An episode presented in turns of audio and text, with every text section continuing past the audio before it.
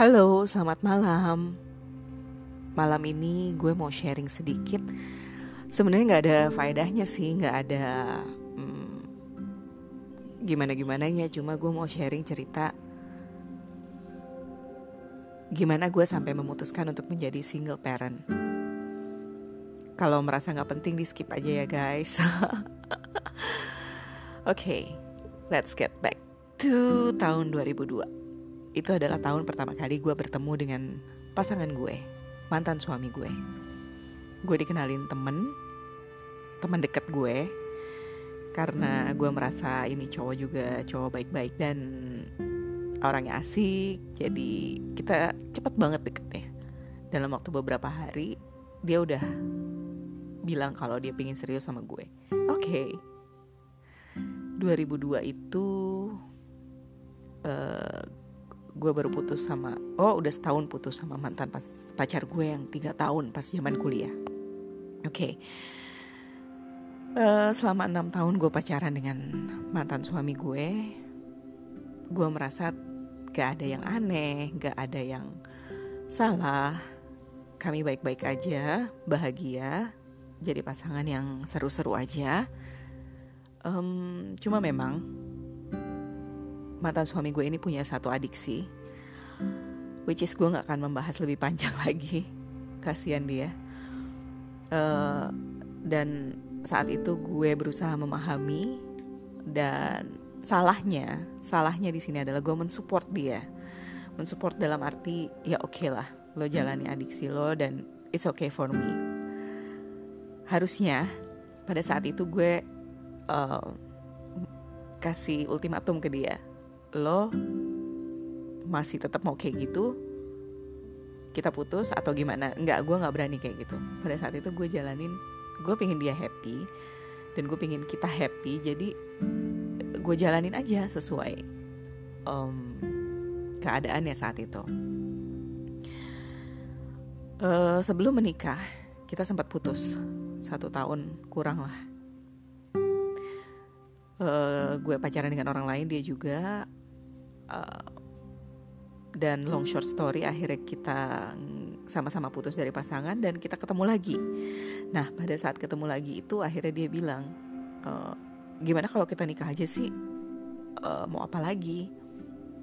Jadi dari bulan Desember tahun 2007 kita mempersiapkan pernikahan di bulan April 2008. Kita menikah. Well, actually dua hari apa satu hari sebelum pernikahan gue sempet kabur dari rumah yang bener-bener kabur nggak ada orang di rumah yang tahu gue ke mana. Karena saat itu gue tiba-tiba berpikir kayaknya bukan dia deh. Kayaknya gue nggak pengen deh nikah sama dia. Itu ada di hati kecil gue. Cuma gue nggak berani bicara. Karena gue nggak kebayang betapa murkanya orang tua gue ketika semua udah dipersiapkan dengan baik ketika semuanya sudah beres. Terus tiba-tiba gue bilang nggak jadi. Waduh gue nggak kebayang gitu loh. Gue nggak mau menyakiti orang tua gue. Akhirnya pernikahan itu berjalan hmm, selama empat tahun. Empat tahun pernikahan yang gue nggak bisa bilang itu bahagia. Gue nggak bisa bilang itu uh, seperti di neraka juga karena gue belum tahu rasanya di neraka kayak gimana. Cuma yang pasti selama empat tahun itu gue seperti kehilangan diri gue gue kehilangan kepercayaan diri gue. Orang yang selama ini gue kenal selama enam tahun dalam kehidupan gue tiba-tiba berubah drastis, berubah seperti orang yang tidak pernah gue kenal sebelumnya. Ya kadang-kadang dia memang kelihatannya seperti biasa, cuma most of the time ada bagian-bagian dari dirinya yang benar-benar gue amazed baru lihat gitu loh gimana dia menghandle stresnya dia, gimana dia menghandle kemarahannya dia, gimana dia menjadi seorang yang begitu keras dan membuat gue takut. Gue takut. Gue tidak menemukan rasa aman dan nyaman di dalam rumah yang kami bangun. Karena gue berkomitmen dengan dia, gue menjalani itu sesuai dengan fitrahnya gue sebagai seorang istri. Tapi akhirnya gue sampai di titik di mana gue tidak bisa lagi menjadi orang yang sesabar itu. gue manusia biasa. Hmm, dan gak bisa gue hidup dalam ketakutan. Soal sabar kita masih bisa atur. Tapi kalau ketika kita nggak nggak nyaman dan takut itu tuh kondisinya udah sangat sangat sangat menyeramkan ya. Beruntung gue punya ibu mertua almarhumah. Ibu mertua gue yang sangat sayang sama gue dan sama anak gue. Sampai akhir hayat beliau dia adalah ibu mertua yang paling baik yang pernah ada dalam hidup gue. Ya karena gue baru punya satu mertua sih. Cuma gue nggak kebayang hidup gue kalau nggak ada ibu mertua gue saat itu. Banyak adegan-adegan yang yang gue pikir cuma gue lihat di film yang gue pikir gue cuma lihat di sinetron. Di mana orang ngamuk ngelempar barang nampar jambak dan segala macem. Dan itu gue alami. Gue alami sampai membuat diri gue